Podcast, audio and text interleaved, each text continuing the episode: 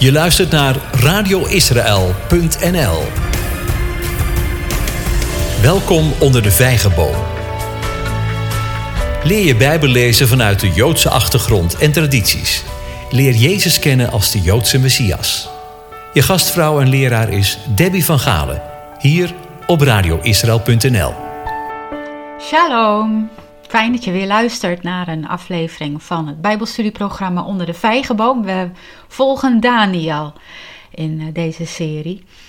We leven in eh, roerige tijden. Onze levens zijn drastisch en onherkenbaar veranderd. En de overheden die daarvoor verantwoordelijk zijn, lijken daar bewust op te hebben aangestuurd. Voor Daniel en zijn vrienden, en voor iedereen in die tijd, was het net zo. In de introductie op het Bijbelboek Daniel hebben we gekeken naar de wereld zoals die zich ontwikkelde vanaf de regering van koning Manasse en hoe die er uiteindelijk uitzag toen Daniel en zijn vrienden werden weggevoerd. Dit geeft ons een beter begrip van de beschrijvingen die we in de Bijbel krijgen aangereikt het vervolg. Vanaf nu duiken we het boek Daniel in, zowel om lering te trekken als om de huidige tijd te kunnen verstaan en hoe erin te bewegen. Ik wil je hartelijk uitnodigen om met me mee te gaan. Laten we lezen Daniel hoofdstuk 1. 1 vers 1 en 2. In het derde jaar van de regering van Jehoiakim, de koning van Juda, kwam Nebukadnezar, de koning van Babel, naar Jeruzalem en belegerde het. En de Heere gaf Jehoiakim de koning van Juda in zijn hand en een deel van de voorwerpen van het huis van God. Hij bracht die naar het land Siniar, naar het huis van zijn God. Hij bracht de voorwerpen naar de schatkamer van zijn God. Nou, het is maar goed dat we de voorgeschiedenis nu kennen, anders waren we hier al met vraagtekens komen te zitten. Maar wanneer is wat dan? Nu is het makkelijker om de tijdsaanduiding en de spelers te plaatsen. Jehoiakim dus, de tweede zoon van koning Josia, zat inmiddels, volgens deze tekst, inmiddels drie jaar op de troon. Daar gezet als vazal door Necho, de farao, weet je nog? De inmiddels door Nebukadnezar verslagen farao. De nieuwe jonge koning van het nieuwe Babylonische Rijk had iets meer dan een jaar ervoor, of misschien iets meer, ervoor een, definitief einde gemaakt aan de macht en invloed van het Egyptisch Rijk. En had in dat proces alle grondgebieden tot aan de grens van Egypte opgeëist voor zijn rijk. Daaronder bevond zich ook het gebied van Judea tijdens diens derde regeringsjaar. Zo hebben we dus net gelezen.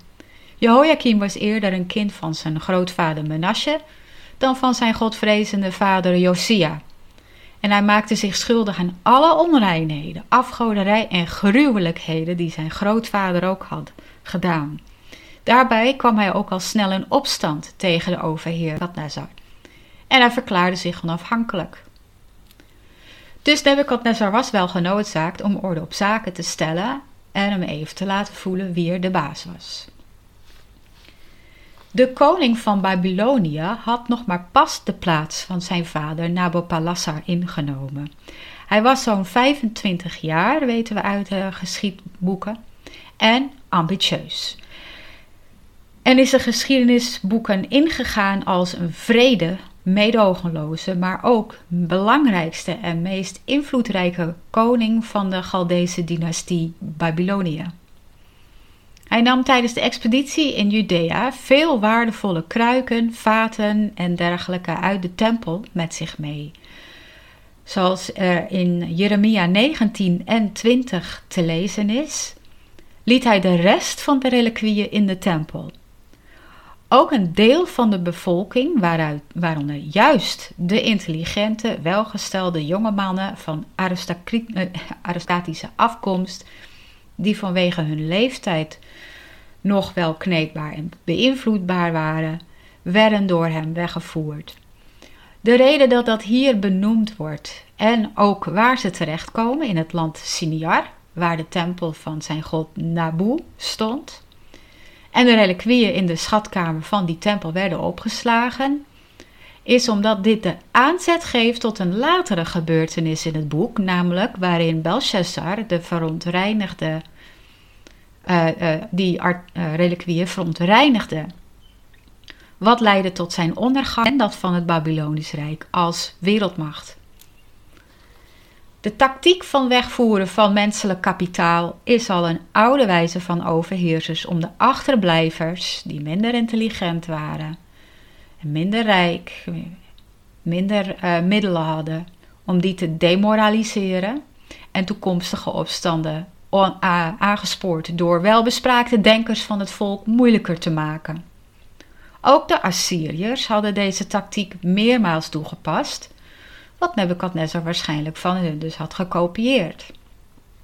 Het feit dat Nebuchadnezzar Jehoiakim op deze, met deze actie op zijn plek had gezet, weer onderdanig aan de koning van Babylonië en niet de stad totaal had leeggeroofd en de inwoners had vermoord, zoals je zou verwachten, waar men toen ook waarschijnlijk op dat moment ongetwijfeld erg bang voor was geweest geeft aan dat zijn macht werd beteugeld. Het ging niet om een militaire rooftocht van een heidense koning, maar het was een daad die van God uitging en onder zijn toeziend oog plaatsvond. Zie hier al de eerste hint naar de betekenis van Daniel, zoals we hebben besproken in de introductie. In deze eerste groep, eh, weggevoerde uit Judea, zaten Daniel en zijn vrienden, Ganania, Michael en Azaria. Als we daar even op inzoomen en onze voorstelling maken van de situatie toen, dan moeten dat hartverscheurende beelden zijn geweest. Wetende dat de sociale cohesie binnen gezinnen en families fundamenteel was voor het voortbestaan van het volk. Hoe vreselijk zullen de uiteengereten gezinnen getreurd hebben hoe groot zal het verdriet zijn geweest en hoe wanhopig zullen de ouders die achtergebleven zijn geweest, of die achterbleven. We zoomen weer uit. De legendarische wijsheid van Jeruzalem werd zodoende ten dienste gesteld aan Babylon. Dat zou op zich al een voorteken voor de achterblevers moeten zijn geweest van het naderende einde van Israël als Gods volk op één grondgebied, als natie dus, zoals men die kende. Het zou tot deze tijd duren voordat we het herstel van Israël weer zouden gaan zien. En dat is al direct voor ons een teken die wij moeten herkennen als een teken van de tijd van het einde. Dat is anders dan de eindtijd, teken van de tijd van het einde. Daarover later in deze studieserie meer.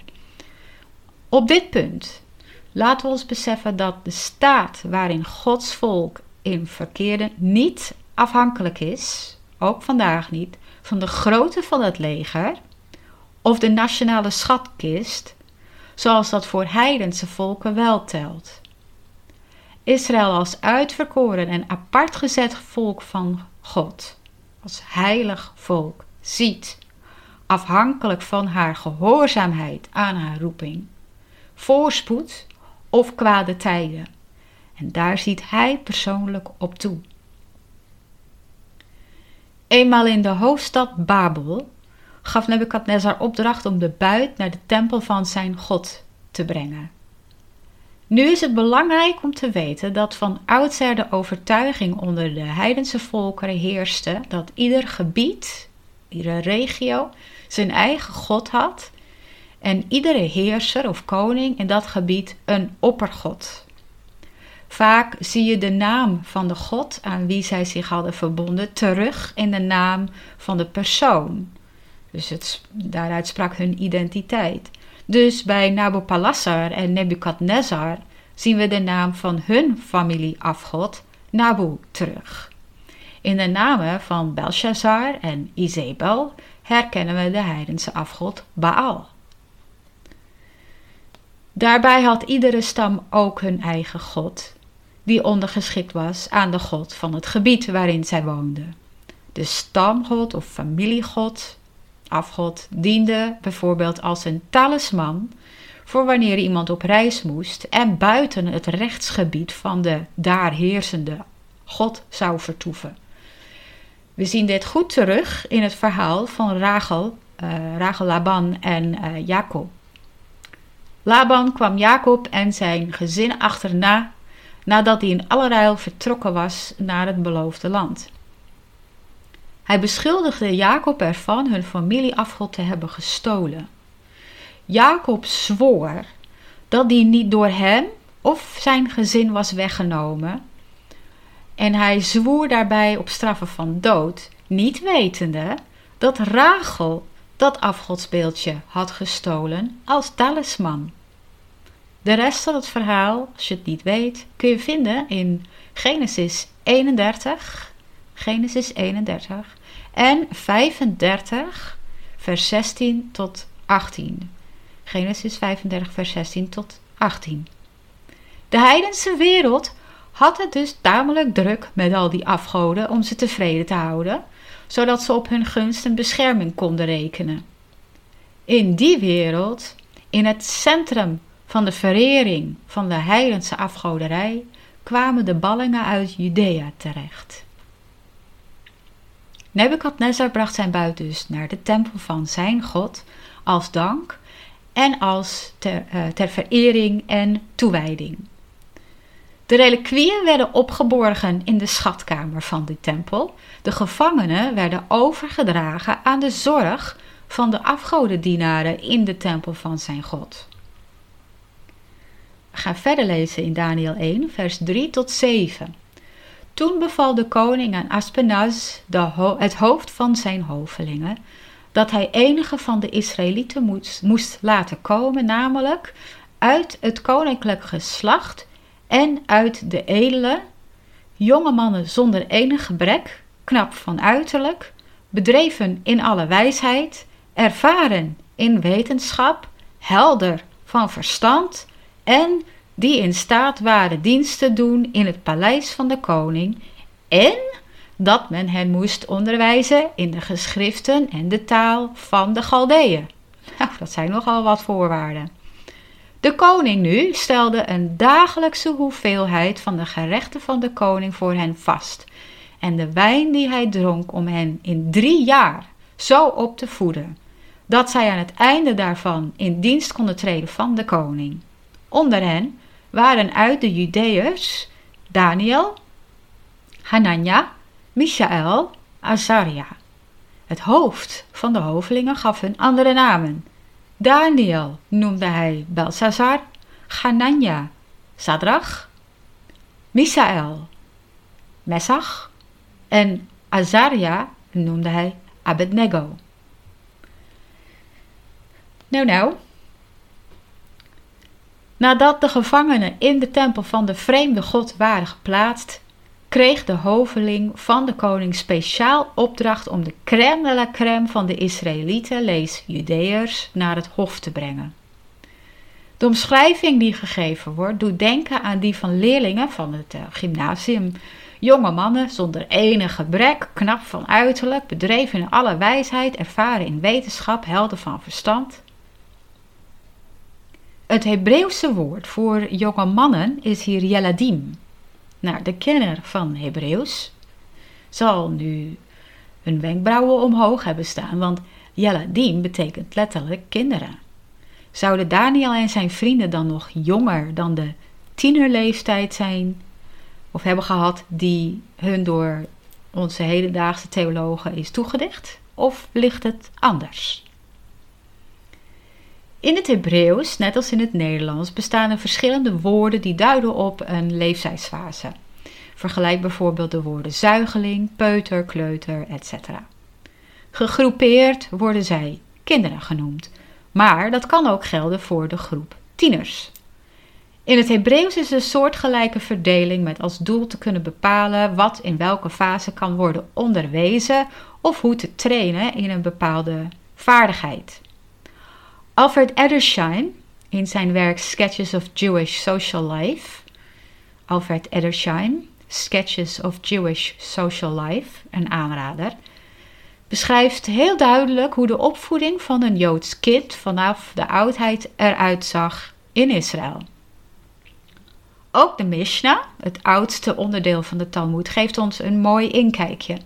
Daaruit maken we op dat het onderwijs zich vanaf het tiende levensjaar zich richtte op de Mishnah, als er al een basis van de Talmud van vijf jaar was gelegd.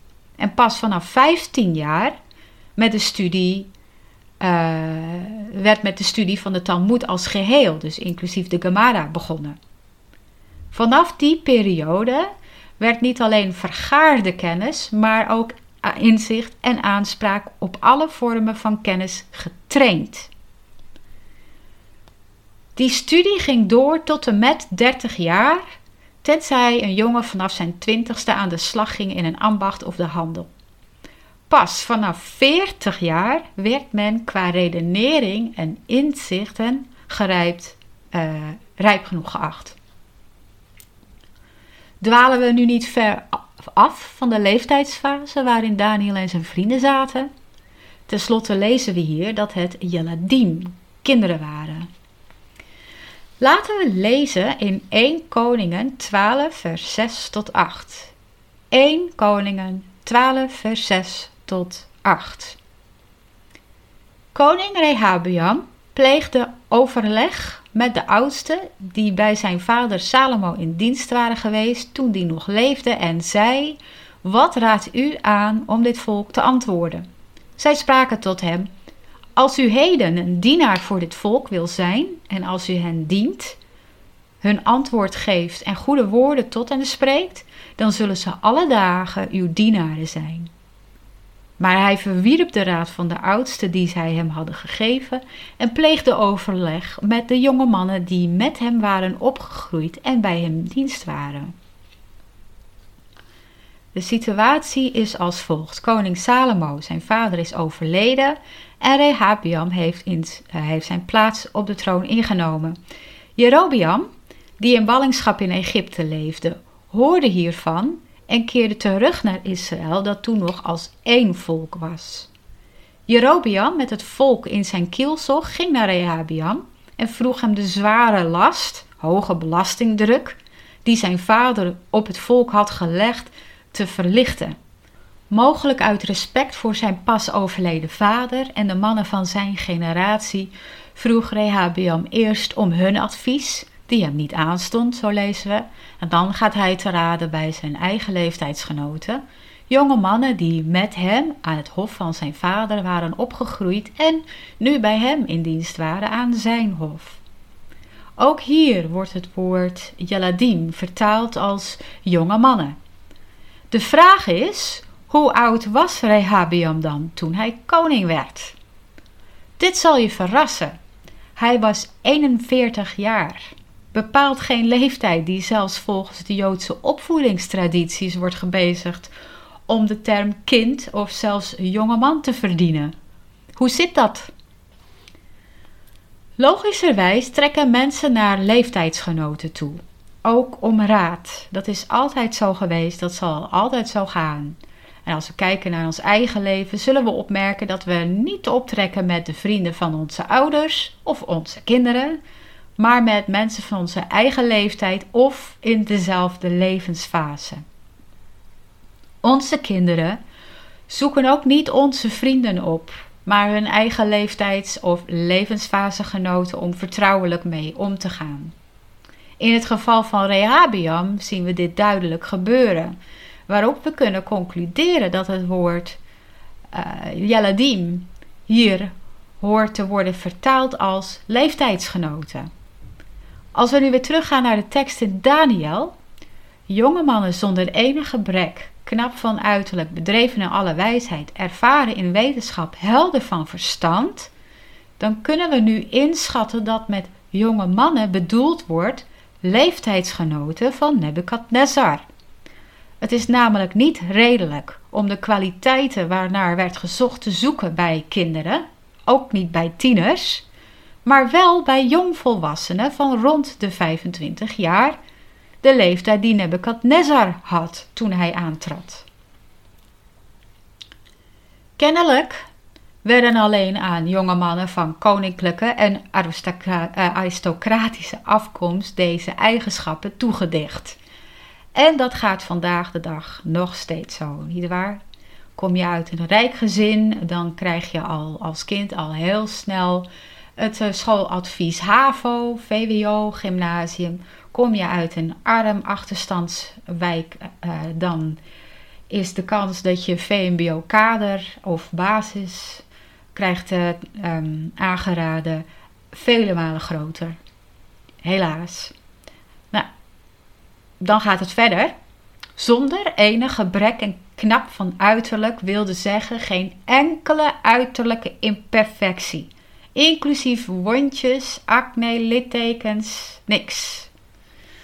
Wat was de bedoeling van deze overdracht? Oppervlakkig gezien twee dingen: om dienst te kunnen doen in het paleis van de koning en dat men hen moest onderwijzen in de geschriften en de taal van de Galdeën. Klinkt aardig, hè? Kom je in een nieuw vreemd land, krijg je een opleiding en een carrière aan het hof van de koning. Baangarantie, toch wel fijn. Maar zo hadden deze jonge mannen zich hun toekomst niet voorgesteld, uiteraard. Dus dat was behoorlijk slikken. Het klinkt logisch dat ze voor dat doel de taal en de taalvaardigheden moesten leren en eigen maken. En dus ook bijvoorbeeld de geschiedenis en de wetten van dat land. Maar dit is dus precies de voorwaarde voor integratie, het leren van een taal. En dus ook assimilatie. Opgaan in een andere cultuur, loskomen van je eigen cultuur. Nieuwe cultuur, nieuwe identiteit. Ken de taal, dan ken je de cultuur, gaat het gezegde. Dat was voor Daniel en zijn vrienden niet wenselijk. Want in feite werd er veel moeite gedaan om hun los te maken van hun eigen taal en cultuur dat hun identiteit bepaalde en hun een nieuwe identiteit aan te meten. Maar waren zij geen Joden, een door de Heere apart gezet volk? Na honderden jaren van ongehoorzaamheid was Juda nu op het punt gebracht dat ieder voor zich, ieder persoon zelf bewust moest kiezen of zij tot de Heere behoorden of onderdeel van de heidense wereld zouden gaan zijn. Het gevaar lag dus op de loer dat door het leren van een vreemde taal en die tot voertaal te maken, de moedertaal, het Hebreeuws, op de achtergrond zou raken. Dat zou ertoe leiden dat de Torah niet meer zou kunnen worden gelezen, noch de profeten, zouden niet meer kunnen worden onderwezen, laat staan begrepen worden. En daar hield het niet bij op. Laten we het nog, een keer, nog eens even lezen, vers 5 tot 8. Vers 5 tot 8. De koning nu stelde een dagelijkse hoeveelheid van de gerechten van de koning voor hen vast en van de wijn die hij dronk, om hen in drie jaar zo op te voeden dat zij aan het einde daarvan in dienst konden treden van de koning. Onder hen waren de Judeërs, onder hen waren uit de Judeërs Daniel, Hanania, Michael en Azaria. Het hoofd van de hovelingen gaf hij hun, gaf hun andere namen. Daniel noemde hij Belshazzar, Hanania Sadrach, Michael Messach en Azaria Abednego.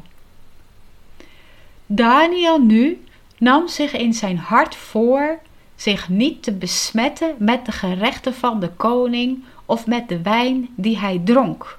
Daarom verzocht hij het hoofd van de hoofdlingen of hij zich niet zou hoeven te verontreinigen. Eten is een ander ding. Toen ik nog in de Verenigde Staten woonde, smachtte ik op den duur naar mijn eigen eten. En iedereen die in een vreemd land heeft gewoond, die kent dit die, die snapt het helemaal. Een krentenbol. Oh, een bruine boterham met kaas en een glas karnemelk. Mijn oma's groentesoep. Oh, wat ik daar niet voor zou hebben gegeven. Nu heb je allerlei programma's op tv over allerlei gerechten uit zo'n beetje ieder land. En uiteraard hoort daar ook weer het verhaal van het land of de regio zelf bij en hoe dat gerecht tot stand is gekomen. Eten en cultuur is ook zo'n ding dat alles bepalend is.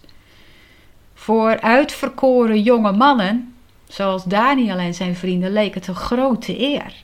De koning, de machtigste man ter wereld, die zich persoonlijk bemoeit met wat je te eten en te drinken krijgt en dan nog wel van zijn tafel. Maar voor Daniel en zijn vrienden school daar juist een groot gevaar in. De koning had naar alle waarschijnlijkheid alleen vlees dat eerst aan zijn God was geofferd. De olie en de wijn die daarbij werden gebruikt, waren daardoor ook onrein voor onze vrienden.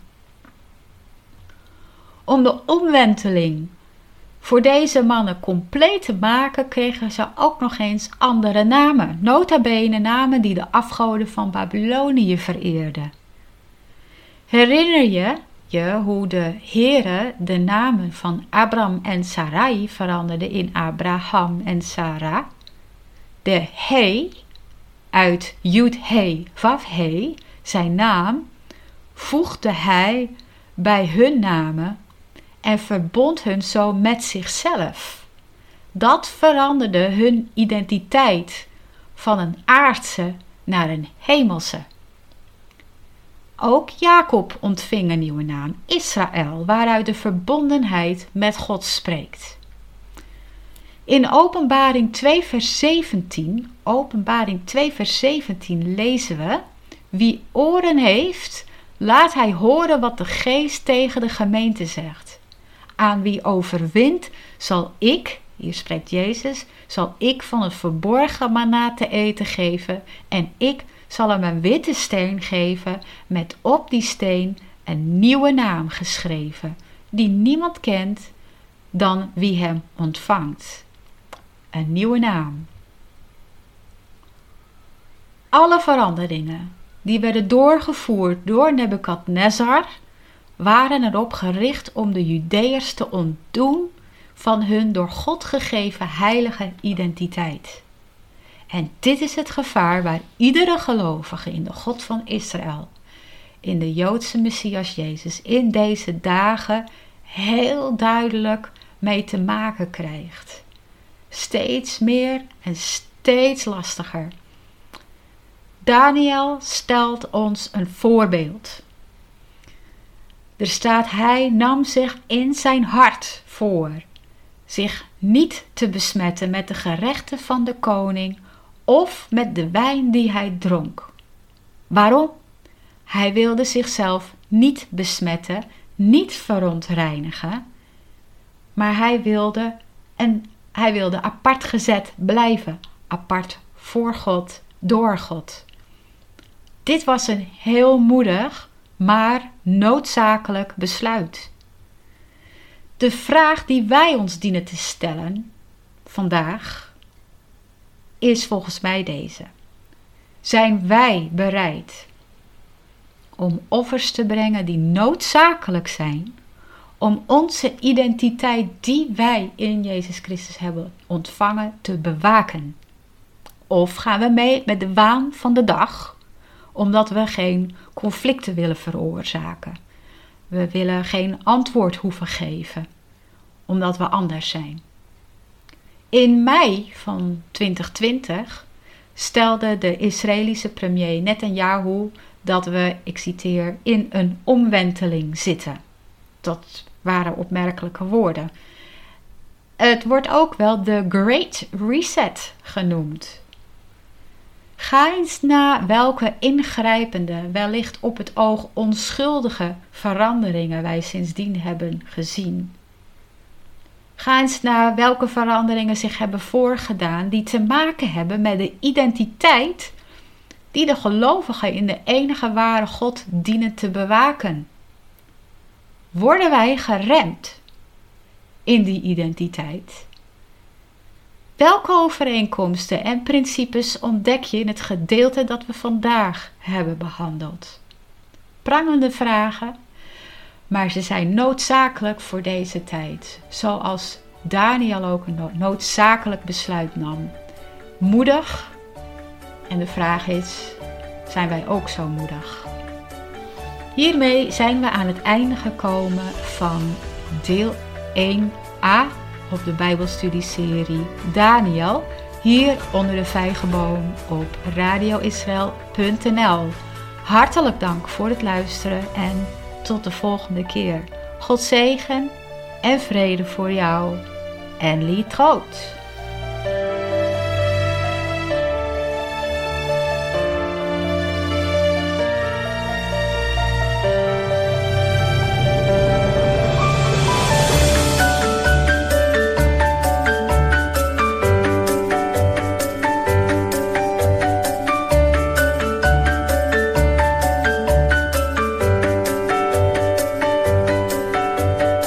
Je luistert naar radioisrael.nl